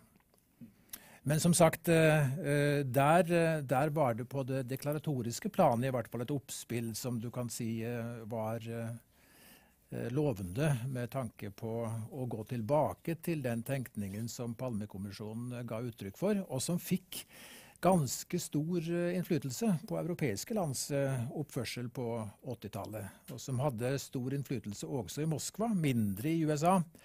Eh, hvor man imidlertid begynte å snakke om eh, cooperative security, ikke common security. Eh, common security er det generiske. Cooperative security var et forsøk på å gjøre noe operasjonelt ut av dette her, med større vekt på institusjonsbygging. Men som sagt, jeg tror vi må også gå tilbake helt til de fundamentale tankegangene, the mindset, og insistere på at Eh, det som stater nå praktiserer, det holder ikke. Vi må tilbake til det jeg nettopp nevnte fra Palmekommisjonen. Mm. Ja, altså Grunntanken i norsk sikkerhetspolitikk, altså liksom læresetning én, er jo avskrekking og beroligelse. Det er altså hit, men ikke lenger. Vi har gode venner, vi har godt forsvar. Men vi er heller ikke provoserende. Det, altså det, er jo liksom der, eh, der, man må lette. En, og, og jeg, mye, jeg, er enig i at det er verdt å se på disse 80-tallsideene om Common og cooperative security, vel å merke da til, tilpasset en ny tid. Det var noen som nevnte Alice, Graham Allison. altså Dette er jo Tykkudids uh, felle. da. Altså Sparta mot Aten. altså Aten ser et voksende Sparta. Spørsmålet er om man gripe inn før de blir for store. Så Det, det bør ikke gå til den kalde krigen, men også gå til liksom, ur, klassisk tid å se det samme eh, dilemmaet. Eh, og, og, hvordan løser du det? Kina ønsker jo på ditt felt her, men altså, Kina ønsker jo å etablere en ny normal. Altså, Kina eh, ønsker jo ikke å oppsøke en krig med USA. Hvorfor skulle de det? Men de ønsker altså å eh, gradvis etablere en ny altså Skyve USA ut av å ha i hvert fall den dominerende rollen i Kinas region, som Kina ser på sitt hjemmeområde. Og USA sitter og lurer på hvor lenge kan vi la Kina lykkes med det. Og så kan altså, sier Allison og sånn, at da kan det bli en konflikt som ingen vil ha, i det strategiske dilemmaet som ligger mellom de to, som er nøyaktig det samme som førte til Peloponnesekrigen. Mm, mm. Men det er bare, de hadde ikke atomvåpen. um, når det gjelder liksom fremtiden for, for, våpenkontroll, så kan det også være at man um, ikke bare skal tenke stort og ambisiøst når det gjelder eh, altså, eh, avtaler som regulerer kjernevåpen. Mer eh, tillitsskapende tiltak på, på lavere nivå er også eh, viktige, kanskje som et eh, første steg i en, en, situasjon hvor ting begynner å bli, bli veldig anspent. Og så det er også at man på sikt må begynne å tenke kanskje annerledes rundt våpenkontroll enn det man gjorde under den kalde krigen. Nettopp av de årsakene som, som Barth Eide er inne på når det gjelder ny type teknologi. Eh, det er ikke lenger sånn at det bare er kjernevåpen og, og kjernevåpen som er relevante i, i settinger ja, det er sagt, nær sagt mot hverandre. Altså nye kapasiteter som cyber, som er vanskelig fordi det ikke lar seg verifisere. Men uh, omvåpen, hypersoniske våpen uh, reiser en hel rekke nye utfordringer som man også må begynne å tenke mer kreativt rundt når det gjelder, når det gjelder våpenkontroll. Mm. Eh, det er ikke dermed så lett å se for seg akkurat hva, eh, hvilke tiltak som er realistiske, og hva de kan, kan, kan være. Eh, men, men, det melder seg nye problemstillinger når det gjelder våpenkontroll. Eh, man kan ikke bare tenke, tenke på det som kjernevåpenproblemstillinger eh, lenger. I hvert fall ikke på, ja, ikke på samme måten. Vi har noen spørsmål eh, til her eh, bak her. Ja, mitt navn er Gulovsen. Jeg er pensjonist. Og jeg har lyst til å spørre eh, hvem har skylden for at vi nå har fått gjenkomst av en kald krig? Barth Eide nevnte så vidt at man så 90-årene så forskjellig i øst og vest. Og at vi kanskje fra vest brukte et upper hand på en feil måte. Og at vi på en måte må ta en del av skylden for at vi nå har en, en, et Russland som i, i mindre grad føler seg trygg på oss. De var i et hamskifte. Vi brukte vår upper hand. Og kanskje har vi redet grunnen for det som er blitt. Jeg har veldig lyst til å høre deres kommentar til det. Takk. Skylddeling. Skylddeling. um, la meg nevne et moment, da.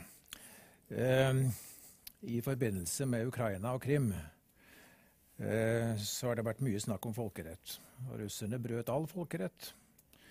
Uh, FN-pakten, sluttakten fra Helsinki, Budapest-avtalen fra 1994 og fremst blant kritikerne sto stater som uh, i regelen, more often than not, bryter folkeretten når de går til krig, og noen av dem kriger omtrent hele tida. Dette forklarer ikke så veldig mye. Men uh, det som skjedde med tillitsskapende tiltak, tror jeg kanskje antyder uh, noe som forklarer mere. Altså, vi har jo erfaringer med tillitsskapende tiltak i det europeiske området. Militære tillitsskapende tiltak oppsto jo her. Eh, i eh, Helsinki-prosessen. Og I ettertid er det klart at slike tiltak kunne virke etter hensikten hvis ingen av partene hadde noen intensjon om å forandre det territorielle status quo med militære midler. Og Under den kalde krigen var det jo slik. Eh, Europa var komplett statisk. Og hva var det russerne gjorde? De forandret det territorielle status quo med militære midler. Jeg vil spille opp den faktoren der litt, eh, når det gjelder å eh, forstå hvorfor reaksjonene ble så sterke. Altså, mener, altså for faktisk ganske nøyaktig 20 år siden, jeg tenker meg om, nå i mars, altså mars 99, eh, så hadde vi jo Kosovo-krigen. Og i opptakten til og gjennomføringen av den militære operasjonen i Kosovo så var det jo en diskusjon som faktisk mange her på NUPI var ganske engasjert i, hvor noen av oss mente at la oss også tenke på hva slags presedens man skaper når man altså eh, i hvert fall ikke følger folk, bokstav, for å si det sånt, i forhold til eh, og, og, og, hvor da det kompakte flertall mente at nei, det kommer aldri til å ha noen negative konsekvenser. Det mener jeg at det hadde. Eh, så kan du si at mye av det som skjedde siden, kunne ha skjedd likevel, men det ble i hvert fall man svekket sin egen moralske autoritet. Eh, og det var jo ikke noe man gjorde for sympati for eh, liksom, eh, serbiske overgrep i Kosovo, men fordi man altså det var en periode hvor Vestens hybris var ganske sterk. og Det tror jeg er liksom en del av en del av en lang historie. Da. Men det er mange andre faktorer i den historien. Det er også hva som har skjedd internt i Russland siden det. Men det er veldig viktig. Det, det viktige for meg er at jeg er ikke så altså, Historikerne kan om noen år kan fordele skyld for min del. Poenget er at vi, det er viktig å skjønne at selv om jeg mener at jeg har rett, så er det ikke sikkert at de på den andre siden mener at jeg har rett. Det kan være at de mener at de har rett. Og det er det i hvert fall interessant å finne ut hvordan de tenker. Og det var vi ikke nok opptatt av i de årene der. som var formende år. Mm. Før jeg gir ordet til, så var det en to fingre fra Anders her på det. Fra den kalde krigens tid. Sverre, du husker det sikkert. Karl Deutsch. Security Community. Mm. Mm. Fra 1957. Og Security Community er altså en situasjon hvor vi ikke lenger planlegger for omfattende krig med hverandre. Og han sier at det er to betingelser. Eh, det ene det er gjensidig hensyntagen til hverandres interesser. Og det andre er eh, felles ideologi når det gjelder politikk. Og spesielt, og der har vi jo lagt vekt på hver våre ting. Russerne har lagt vekt på at det ikke var gjensidig hensyntagen, mens vi har lagt vekt på at, eh, at politikken ble vesentlig annerledes. Det var jo ikke bare ideologi, det var jo også det med felles identitet, som strekker seg enda, enda lenger og kanskje vært enda mer utfordrende akkurat i forholdet mellom Russland og Vesten. Eh, Henrik, vil du jeg kan heller eh, legge til et litt annet moment enn akkurat det som har med eh, skyld å gjøre. Jeg tror også mye av den opprustningen man ser, og det er viktig å være over, er drevet av altså, skiftende maktbalanse, konvensjonell eh, balanse. Når en del stater nå gir eh, kjernevåpen en større rolle i sin forsvarsplanlegging, så skyldes det bl.a. Eh, at de ser seg som mer konvensjonelt eh, underlegne. Eh, konvensjonelt underlegne stater kompenserer I en del tilfeller skal man mene hva man vil om det, men eh, ved å gi kjernevåpen en større rolle. Det er det Pakistan gjør i sin politikk overfor India. Det er det Nord-Korea ser ut til å gjøre i sin eh, tenkning og doktriner rundt kjernevåpen. Og det er en sånn drivkraft som er, er, er, litt mer sånn grunnleggende. Og I tillegg til det så ser man altså at den, en del av den opprustningen man ser, skyldes teknologisk ja. utvikling. Eh, høypresisjonsvåpen, eh, f.eks. Eh, der har det vært en, en evolusjon nærmest de siste 25 årene som gjør at konvensjonelle våpen nå kan brukes mot kjernevåpen, og dermed eh, får en helt annen, eh, annen betydning. Eh, og det er også med på å drive fram en del av den, den rustningen eh, man ser, altså usikkerheten stater føler rundt, rundt, stabilitet. Mm. Men, men, to korte kommentarer. Det ene til, um, også til Kjølbergs gode poeng. Men, men Kina og USA altså de, de, kan godt ta hensyn til hverandres interesser, men de har jo ulike interesser. Altså det er jo her er litt, altså Den kalde krigen hadde en form for stabilitet over seg. Men det vi snakker om nå, er jo en, er jo en utfordrer som altså Kina vil jo mene at det er helt legitimt. Hvorfor all verden skal USA styre liksom i min bakgård? Det må da jeg gjøre. Og Det jo, kan man jo skjønne. på en måte. Og USA vil si at vi har noen sikkerhetsgarantier til Korea og Japan. og Filippinene og etter hvert Vietnam og sånn som vi må stå opp for. og vi ønsker ikke, Så, så har man ønsker helt ulikt utfall. Så det, det, man da snakker om, er vel mer å, sånn episodehåndtering og altså, liksom si OK, folkens, vi kommer til å konkurrere om dette, men la oss, unngå, la oss ta tiltak for å unngå at det blir en væpnet konflikt. Så la oss da, liksom, definere den væpnede konflikten ut av dette så langt vi kan, og så får vi fortsette konkurransen på annen måte. Så sånn sett er det ikke direkte Jeg er jo veldig enig i at det er et godt prinsipp, men jeg er ikke sikker på hvor overførbar den er til til Østasiasituasjonen. Det andre er jo at hvis vi ser på vi har jo vært, vært, stor suksess det skal jo sies, på andre typer våpen som jo har blitt forbudt og regulert bedre. og sånn, Landminer, klasevåpen og sånn. og, og presisjonsvåpen har jo bidratt til at i, i, i, de krigene som faktisk finner sted, da, så er jo toleransen for collateral damage gått kraftig ned. Nå tenker jeg ikke på Syria, hvor liksom alt er åpent, men altså der, Vesten har vært involvert, så har man jo pålagt seg selv helt andre begrensninger. Bare de siste 20 årene har blitt mye sterkere begrensninger på hva man tillater seg å påføre av skade. Og teknologien har også gjort det mulig å altså, faktisk treffe akkurat den militære Eh, det militære formålet du vil. Eh, Libya-krigen kan man si mye om, det gjør vi jo. Men, men, men i hvert fall at det er en krig som i sin helhet ble brukt med presisjonsvåpen. Som jeg vet, ja da, er ikke, De er ikke alltid presise, men de er altså uendelig mye mer presise enn noe vi hadde selv i Kosovo. For ikke å snakke om annen verdenskrig. ikke sant? Så, eh, så der atomvåpen kommer helt, er liksom helt aparte i forhold til det. For enhver bruk av atomvåpen er allerede første dag en massivt brudd på alle prinsipper om distinksjon og proporsjonalitet per definisjon. Altså Det er ulovlig å bruke atomvåpen etter humanitærretten. Mm. Mm. Mm. Til det som eh, Anders eh, snakket om, gjensidig respekt og politisk ideologi. Sluttakten fra Helsinki slo en veldig viktig trade-off der som er ganske lite påaktet. Den sa at vi påtar oss å respektere eh, hverandres politiske og økonomiske systemer. Men samtidig så åpnet man altså opp for arbeid for menneskerettigheter. Menneskerettighetene er universelle. Eh, der har i hvert fall ikke vi noe å gå på, eh, kompromisser på.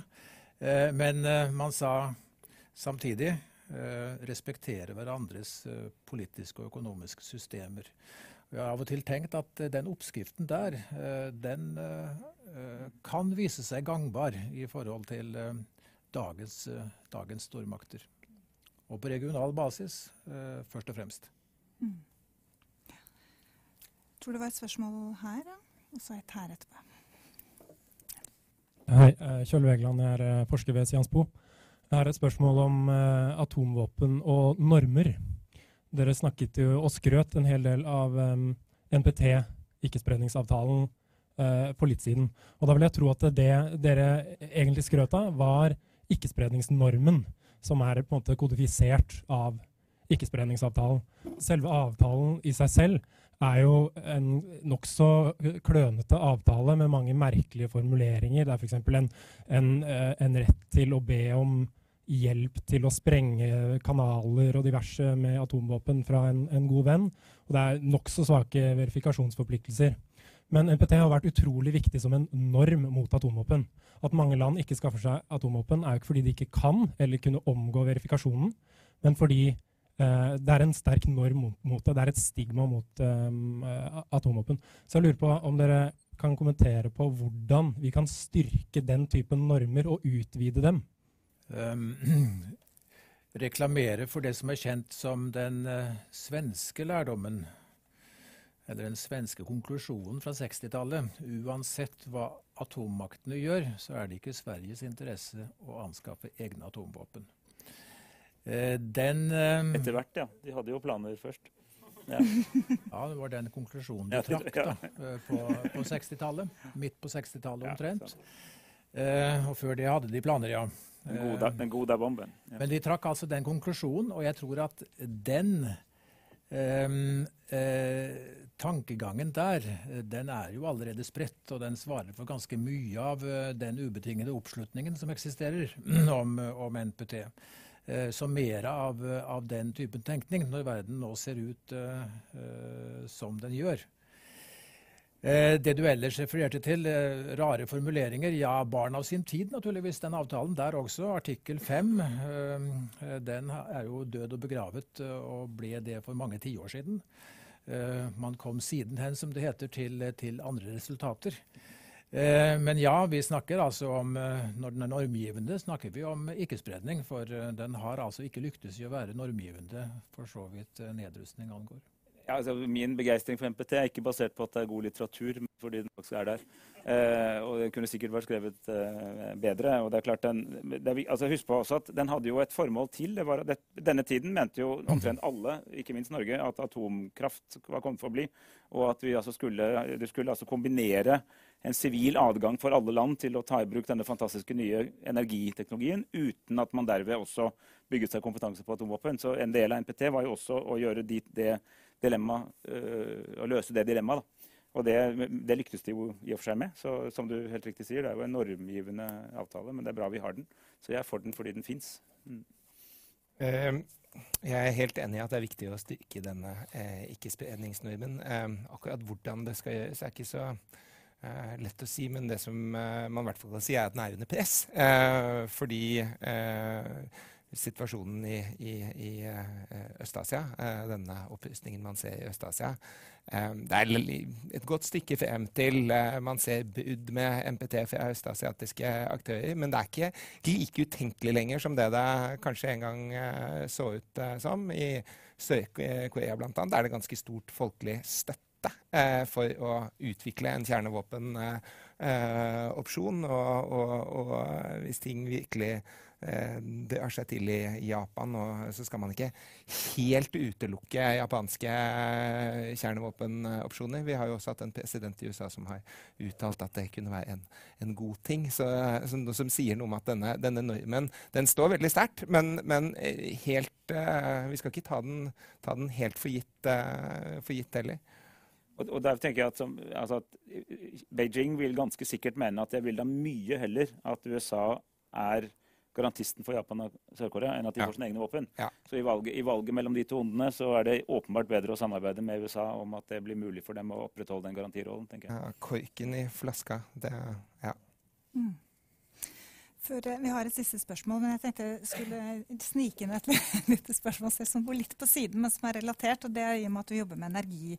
Mm. Så tenker jeg at eh, det med nå er klimakrisen eh, også en, en, en faktor, og, det, selv, og, kanskje like alvorlig på mange måter. Eller, og da er jo det med atomkraft har jo kommet opp uh, mye. ikke sant? Og det, at noe på, av løsningen kunne vært. Hvordan tenker du det i denne sammenhengen? For det henger jo litt sammen i forhold til dette med ikke-spredning og beskyttelse. og at kan, Et land kan selvfølgelig si at de har, eh, deres hensikt er å bygge opp atomkraft, men ikke Eh, ikke våpen.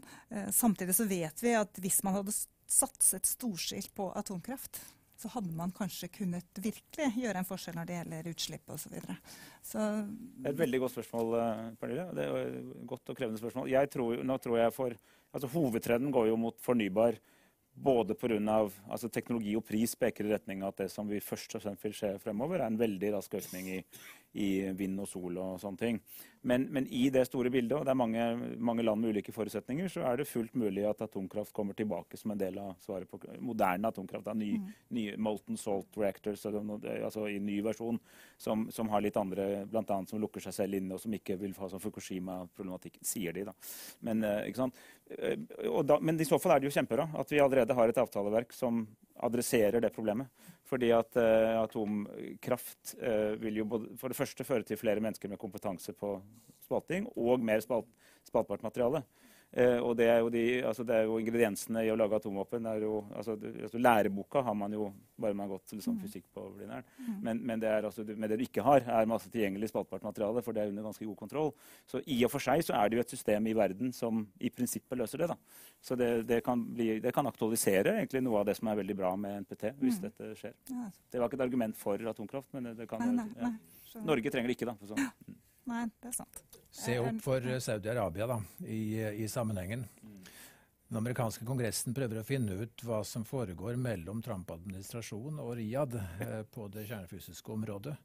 Andre er enda mer opptatt av hva som foregår mellom Pakistan og Saudi-Arabia. Og MBS, eh, Mohammed bin Salman, er jo en ambisiøs eh, villain.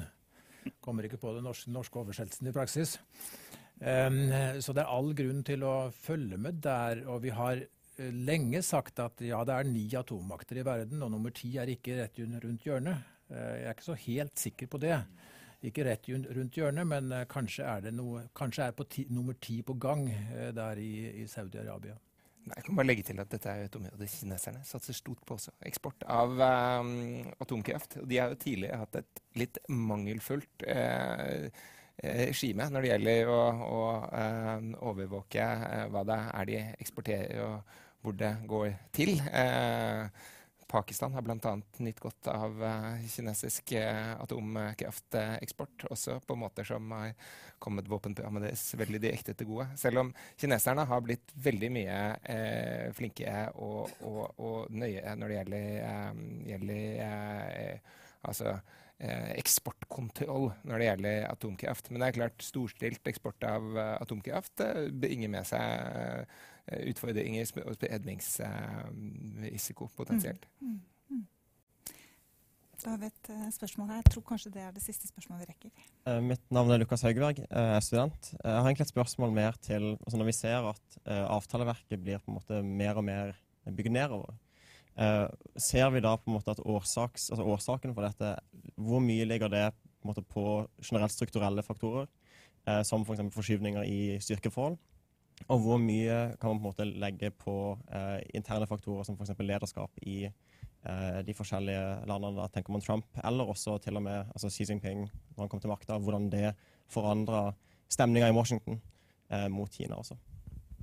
Eh, nei, det, er, uh, det, der er jo ikke et uh, enten-eller-spørsmål. Men uh, det er lett å peke på disse store strukturelle årsakene. Altså skyvende endrede maktforhold og, og, og, og, teknologisk utvikling. Og de er, er utvilsomt viktige. Men man skal ikke glemme enkeltlederes rolle og påvirkning på, på, politikk heller, for alt del. når det gjelder Kina, så har Altså, der har det ikke vært noen store endringer rundt eh, tenkninger rundt eh, kjernevåpen eh, etter at Xi Jinping kom til makten. Men det har vært en, viss, en klar endring i kinesisk utenrikspolitisk eh, framferd etter at han eh, tiltrådte. Um, og det blir spennende å se om det kan uh, også smitte inn på, på, på kjernevåpenpolitikken og altså tenkningen om, om, kjernevåpen. Det skjer en del endringer i, når det gjelder Kina og, og hva slags type kjernevåpen de utvikle, også kanskje i måten de omtaler kjernevåpen på, som, uh, som, peker i retning av en litt mer sånn altså, Kall det en slags stormaktsmåte å, å, å, å, tenke om, uh, om, denne typen uh, våpen, våpen, på. Uh, Nord-Korea er vel det mest sånn opplagte eksempelet på hvordan man kanskje har hatt en endring i, i, i tenkning om kjernevåpen og kjernevåpenstrategier i forbindelse med et lederskifte. Der så man jo, etter at Kim Jong-un tiltrådte, en voldsom uh, sprint nærmest hvor mye man skal tillegge det han som person og ikke. Det er jo selvfølgelig ikke evne, men, men det er klart man kan i hvert fall observere at etter at Kim Jong-un ble leder i Nord-Korea, så gikk våpenprogrammet gjennom en, en voldsom utvikling. En ting om Kim er at det er jo da De som påberoper for å skjønne hva han tenker, skal jo altså Det er sikkert flere skoler der. Men, men altså en skole som er interessant, er de som sier at han faktisk har en plan. og at den planen går ut på, altså Han ser at Nord-Korea er altfor militarisert. altså Bruker altfor mye av BNP på mm. forsvar. Eh, og han har lyst til å komme i gang med en økonomisk utvikling, for han har mm. fått med seg fra omtrent alle andre kommunistregimer at det går ganske dårlig hvis ikke folk får det bedre. Eh, og at den paradoksale veien dit er altså å skaffe seg atomvåpen, få internasjonal prestisje, som man jo har fått av Trump. Så han nå er jo en som snakker, amerikansk president snakker med og snakker om som en buddy. Eh, og at, men også fordi atomvåpen jo tross alt er billigere enn det vanlige forsvaret, også får en anledning til å begynne en nedbygging av det konvensjonelle forsvaret som gir et overskudd til til å gjøre andre ting med det de måtte ha av BNP i Nord-Korea. Um, hvis det er sant, da, så da, bare, la oss si sånn, da må man i hvert fall inn i den logikken på en eller annen måte. En annen, annen måte sett på er jo at han beviser det at uh, hvis du er et diktatur som føler deg litt utsatt for trusler, så må du bare skynde deg å skaffe atomvåpen, for da blir du i hvert fall ikke angrepet. Så det, er liksom litt, ulike måter å lese dette på, men det er, men det er ganske interessant. Uh, det, det er veldig viktig at de som er opptatt av Europa, også skjønner det asiatiske dramaet. Akkurat som Eh, liksom på 70- 80-tallet, hvis, hvis, du var, si, du var en ung sørkoreansk diplomat eller forsker og skulle prøve å forstå verdens sikkerhetspolitikk, så ville det ikke gi noe mening å studere det uten å skjønne hva som skjedde i Checkpoint Charlie. Hvis du ikke skjønte øst-vest-delingen i Europa, så skjønte du ikke verden. Nå er det sånn at du er nødt til å skjønne dette Asia-dramaet for, for, å skjønne resten av verden. Jeg tror vi er uh, i overgangen fra én verdensorden til en annen. Vi vet hva som er i nedgang den liberale internasjonalismen, men vi vet ikke hvor det bærer hen. Og eh, internasjonal politikk i dag bærer jo preg av at vi er i en oppbruddstid. Eh, usikkerheten eh, blir desto større ettersom den teknologiske utviklingen kanskje er raskere enn en noensinne. Og så kommer det altså spesielle idiosynkratiske trekk eh, inn i storpolitikken med, med Donald Trump. Eh, da kan vi jo håpe på at eh, ting etter hvert vil gå seg til. Vi er altså i, i en multisentrisk verden eh, hvor interessene åpenbart spriker. En multisentrisk verden hvor den bilaterale kinesisk-amerikanske dimensjonen blir viktigere og viktigere. men foreløpig så vet vi som sagt ikke hvor det bærer hen. En eh, får bare håpe at uh, dette kan gå seg til en eller annen gang uten at det kommer til, til storkrig, uten at det som er temaet her, altså atomvåpen, kommer til, til anvendelse. Men der får vi bare stille et spørsmålstegn bak.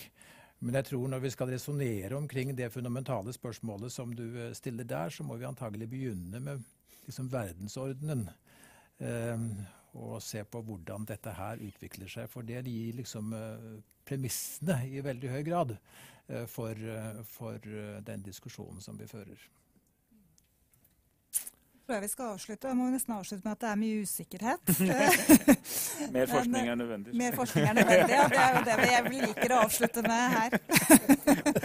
ok, Tusen takk til alle som kom, og tusen takk til dere for veldig gode innledninger og samtale.